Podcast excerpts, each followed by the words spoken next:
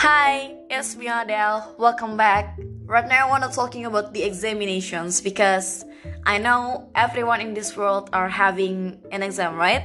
And I was saying that examinations are important. Yeah, examinations are important, but it's not define who you are. So, right now, I want to talking about the examinations, and I will explain this to you.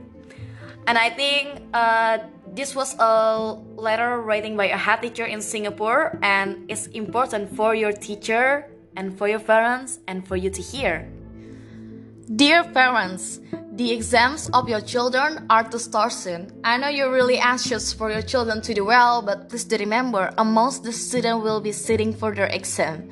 Because there is an artist who doesn't need to care about math there is an entrepreneur who doesn't care about history or English literature.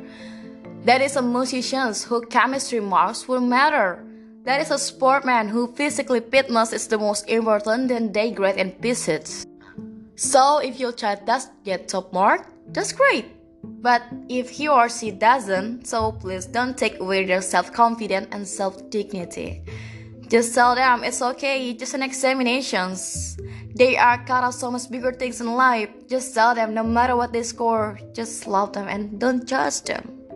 Because one examinations or low mark won't take away their dreams or their talents. So please don't think that the doctor and engineer are the only happy people in the world. Because everyone have a right to be happy, right?